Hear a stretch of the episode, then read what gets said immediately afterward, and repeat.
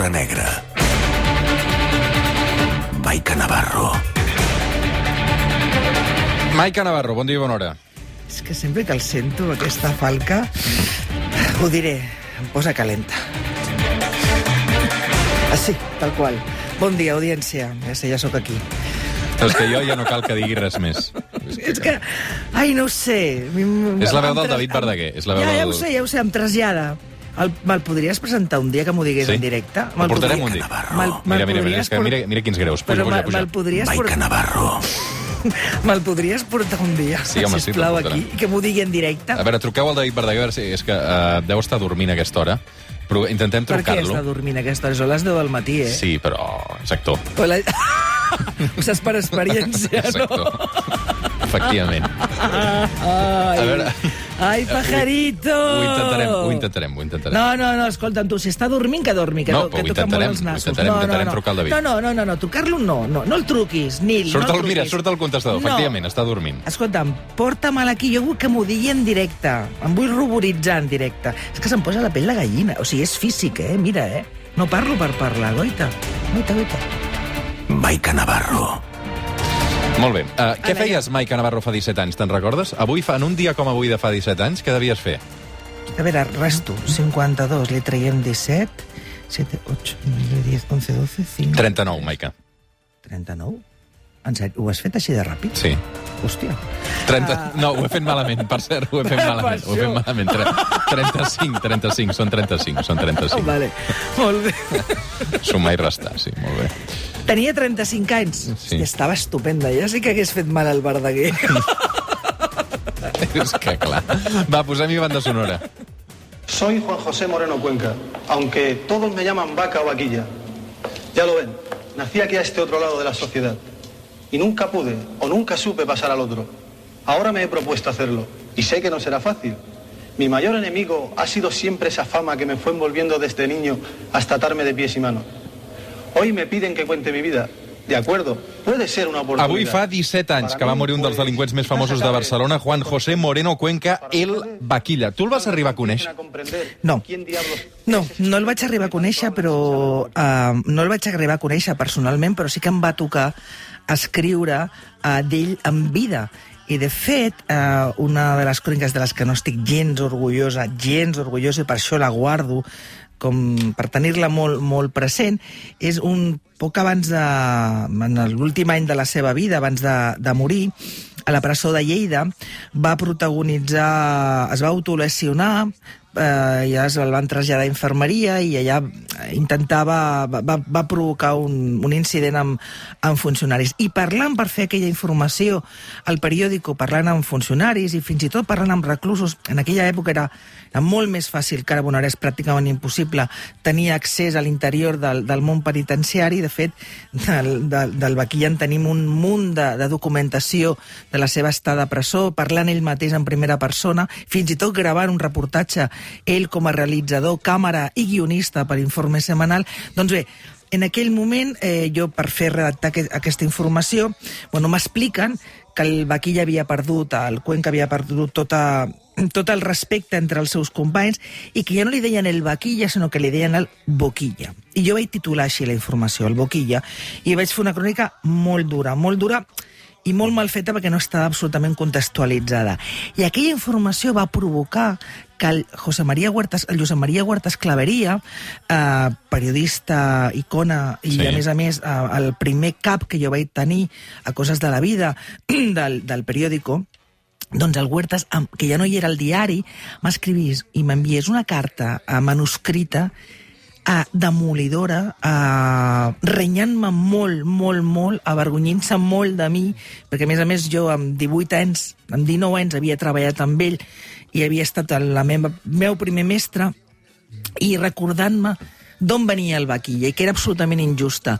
El Huertas Claveria havia coincidit amb el Vaquilla a la presó model, el, el Huertas Claveria estava com a pres po polític i el Vaquilla, tot i que tenia 15 anys, far ja de passar per diferents reformatoris, en una de les últimes, una de les detencions, en aquell moment, en 15 anys, li va dir a la policia que en tenia 19 i va acabar a la sisena galeria de la, de la model. I ahir es van conèixer, ahir el Huertas va conèixer a un jove absolutament desemparat i i, i es van fer molt amics i com moltes altres persones el va intentar ajudar al llarg de, de la seva vida. Deixa'm que t'expliqui, després ja seguim amb el, amb el guió, que sempre em vaig per les branques. El, hi ha moltes llegendes i teories sobre per què li, el sobrenom del Vaquilla. Eh, es va dir que era una manera de definir la seva actitud davant la vida, davant, davant la policia, que era jo, tu vens un uniformat i en comptes de fugir, ell anava de cara i, i, i embestia, com una vaca, com un toro.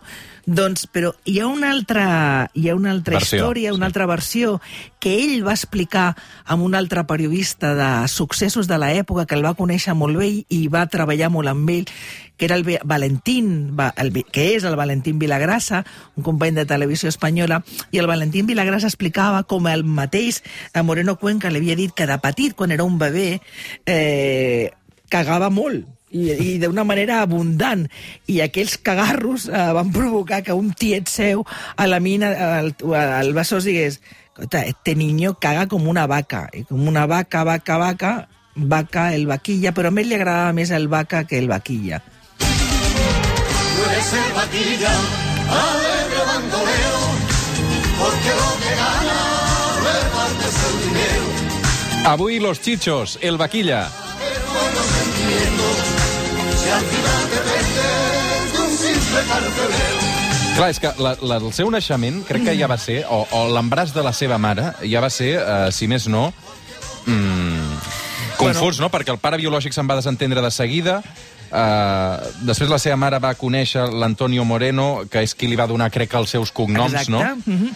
I, I precisament aquest pare adoptiu va morir al cap de poc. Sí, va morir en un enfrontament també amb la policia eh, quan robàvem un magatzem del barri de la Torrassa a l'Hospitalet i, clar, la seva mare, eh, o sigui, amb el vaquilla al, a, en, en el ventre de la seva mare ja, doncs des dels primers moments de la seva vida ja va trepitjar, va trepitjar la, la presó. Deixa'm que et digui dels Chichos, aquesta, aquesta cançó mítica que jo crec que tothom hem corejat i hem ballat, i tots de totes les generacions, tu segurament també Jo l'he ballat, tu aquesta, l'has sí. ballat, doncs um, la, els Chichos el, el van interpretar a la presó d'Ocaña, on estava complint condemna, i ell estava en aquell moment en un dels molts processos que va fer d'intents de reinserció, i estava al costat d'un altre pres que se'l queda mirant diu coño, este eres tu, Robin Hood.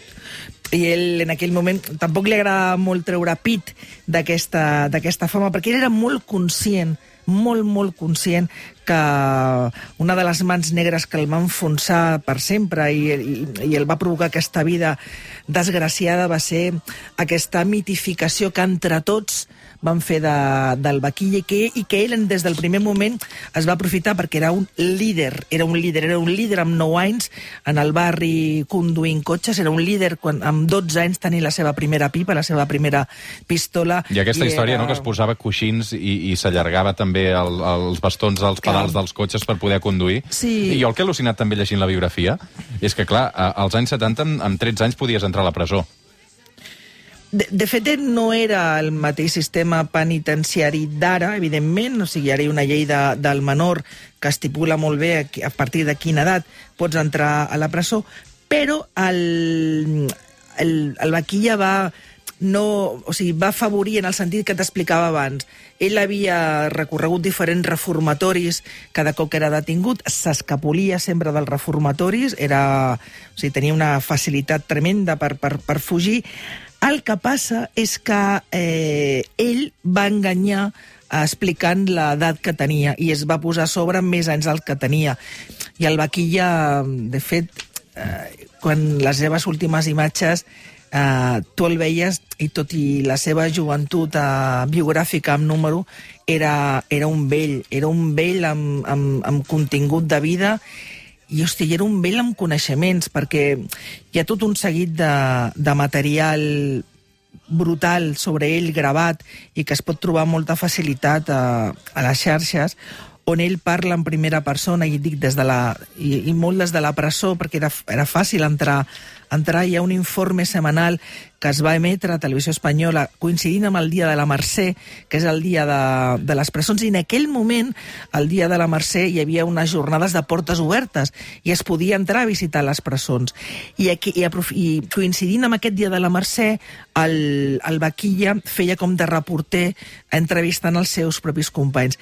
I, escolta'm, el sents parlar i, i no deia cap tonteria i explicava les coses amb molt sentit comú, fins al punt de que ell en aquell moment dubtava si estudiar dret o estudiar periodisme i havia tingut contacte, tenia contacte en aquella època amb els companys del diari El Segre i el director del diari Segre es va comprometre eh, perquè el va anar a visitar eh, amb, amb, amb, amb, amb, amb, molt, de manera reiterada, es van comprometre que, el que en el moment que trepitgés al carrer, ell tenia un lloc de treball al diari Segre.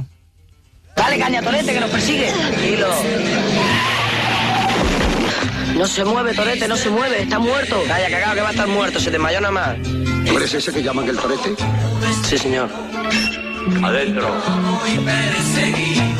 El Vaquilla va anar-se fent famós, va anar guanyant popularitat. El 1977, de fet, es va estrenar eh, aquesta pel·lícula que sentim, que és Perros Callejeros, que parlava eh, de la seva vida. Una vida marcada també per les confessions que va anar fent i també per, eh, per la seva drogadicció. para conseguir la heroína que hace? Pues eh, robar, robar a su propio compañero, eh, se convierten en inmorales. ¿no? Nos, nos convertimos en inmorales. Yo me incluyo dentro porque yo soy consumidor de heroína. Yo empecé a pincharme en la cárcel, conocí la heroína en la cárcel y desde entonces estoy pinchando. Aquest era ell mateix eh, explicant això perquè eh, és evident que l'heroïna, la droga, eh, era el pa de cada dia eh, en aquestes presons als anys 70, 80, 90 i avui dia segurament també, no? Uh, ell, uh, ell havia de protagonitzar aquesta pel·lícula Perros Callejeros de José Antonio de la Loma, però no el concedeixen permís per sortir a rodar la pel·lícula i protagonitza el seu paper, el seu, el seu cosí, el Torete, mm. i de fet, arran d'aquesta interpretació, el fet de que el Torete acceptés fer de, de vaquilla, la relació entre tots dos eh, eh, es trenca. Però és, mm, ell coneix la heroïna a la presó, eh, tota la seva època de drogadicte, aeronòmen, el fa a la presó i, per tant, consumeix a, a la presó.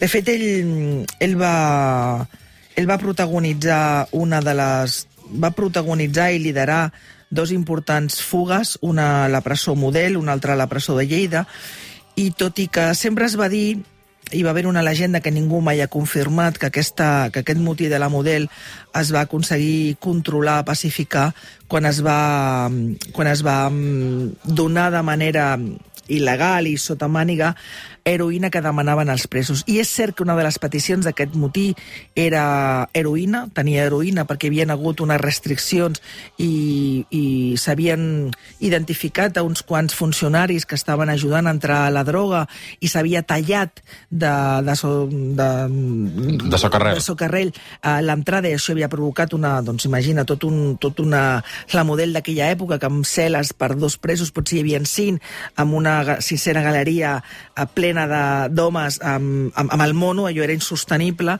i tot i que és veritat que una de les exigències va ser que necessitaven droga per passar al mono, um, darrere d'aquesta petició que, que va una mica uh, tapar la resta, hi havia tot un decàleg de peticions que tenien molt de sentit comú i que parlaven de derogacions de determinats articles de, de la llei de, de presons que, que, insisteixo, que tenien molt de sentit i que les liderava aquest, aquest Moreno, Moreno Cuenca. De, de fet, el Vaquilla, eh, arran d'aquesta addicció a l'heroïna, es va acabar infectant de la sida i aquesta, de fet, va ser la causa de la mort. Uh, una cosa, una cosa, Maica. Al final, o sigui, el Vaquilla era un quinqui que uh, feia furs, robava uh, cotxes, uh, motos, no? Però no va ser un delinqüent de, de sang uh, i de... No? Explica'm una mica per què. Sí, bueno, ell té el, el seu historial, és, bàsicament, és quebrantraments de condemnes, i això és el que anava intensificant, d'aquests, no? intensificava la, la pena, cada cop que aconseguia fugir o tenia permisos, el que feia era eh, atracaments que la gran majoria van sortir malament, per, per aconseguir diners, per, per drogar-se, però és veritat que de ben petit, quan era menor d'edat, eh, conduint un, aquest, un d'aquests cotxes amb aquesta mm, litúrgia que feia dels coixins i especialment a les sabates. S'enganxaven, amb, lligaven amb cinta aïllant uns tablons de fusta per arribar a l'embrague i, al, i a l'accelerador i al- als pedals, si no, no arribava perquè era un era petit, bueno, era un criu, doncs amb una d'aquestes fugides va atropellar amb una dona que va morir. Ah. I és veritat que aquest era el delicte de sang que, bueno, que es podria... Que va perseguir que- que tota la vida, sí. Sí, que arran d'aquest d'aquest amor eh, va, va, va tenir una... Insisteixo, era, era, era en aquella època encara el reformatori, l'època de, de menor, perquè tenia, no, només tenia 12 anys, però aquest és l'única víctima mortal que, que té en el, seu, en el seu historial, i és veritat que el Valentín Vilagrassa, aquest company de Dos Espanyola, sempre que va parlar d'ell, va explicar quan el, quan el Cuenca li, li, li parlava, li, li parlaven d'aquesta dona, ell reconeixia que era un criu i que no, no era conscient en cap moment de les possibles conseqüències d'agafar un cotxe i anar a 150 del barri del Besòs a Santa Coloma o a través a... I, bueno, doncs va haver- va haver-hi un accident.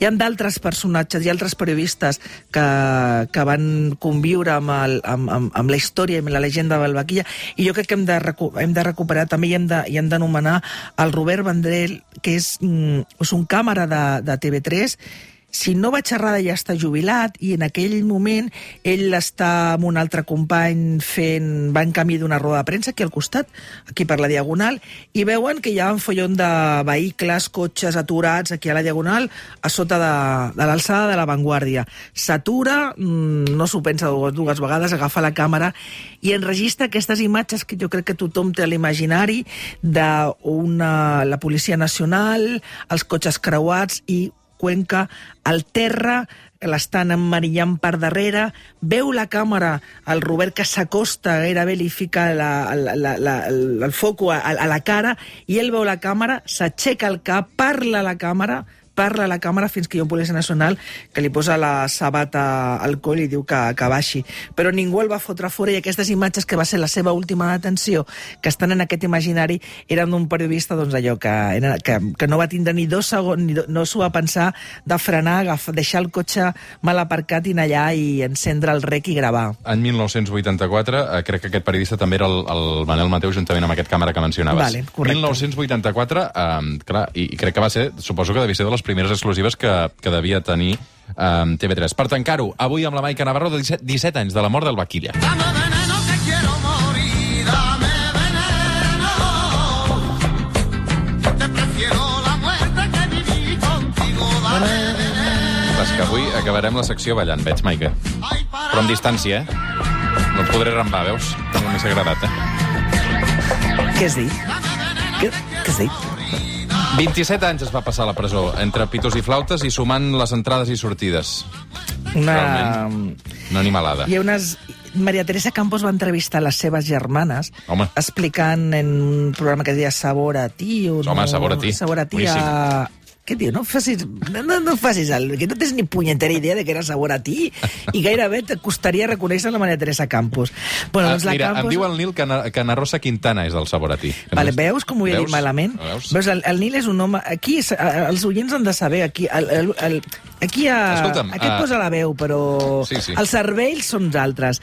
Um, doncs amb aquesta entrevista la Maria Teresa Campos va reunir el plató, no sé si, era un programa, no recordo el nom, bé, uh, i a les germanes de, a les germanes de, de, de Moreno Cuenca, i totes dues explicaven com la infantesa absolutament desgraciada, que elles van tenir la sort d'anar de petites, quan va morir els seus pares, amb l'àvia, i tot i que l'àvia va intentar eh, que el nen també estigués amb ella, eh, perquè ja preveien que seria pel mal camí, doncs els van separar i que allò una mica va ser l'inici d'aquesta vida de pel·lícula, de cançó dels xitxos, però que en el fons fa moltíssima, moltíssima, moltíssima pena. Maica Navarro, m'ha encantat avui el retrat del Vaquilla. Uh, sempre està bé recuperar-lo um, i aquesta biografia ha estat meravellosa. Una Has abraçada. vist pe- Perros callejeros? La tinc pendent. Doncs pues vinga, va. Aquesta, nit amb manteta. No, aquesta tarda no, perquè estic preparant la marató, que Ai, tinc hòstia, és 27 veritat. coses que m'he de llegir. És veritat, a quina hora arrenqueu? Demà a les 8 del matí. I tu, eh, vosaltres estareu aquí tota l'estona a Demà l'estudi? al matí serem a l'estudi, anem a Igualada, hem gravat O sigui, Quim aneu Torra, el president a la Casa dels Canonges, a la tarda també som a la tele a l'Hospital del Mar, vull dir que això serà una moguda. Estàs que- nerviós? Clar que estic nerviós. Com vols que no és estigui la teva nerviós? primera marató? No, home, no. Portem unes quantes ja. De, suplement, també. De suplement. Ah, De i suplement, jo assistia ja... Sí, jo crec que aquell dia et donaven festa, tu. Ah, vale. No, perquè és que, clar, si s'obre una marató... És que un dia, un dia farem una marató de Maica Navarro de presentadora. Aquest dia sí que riurem.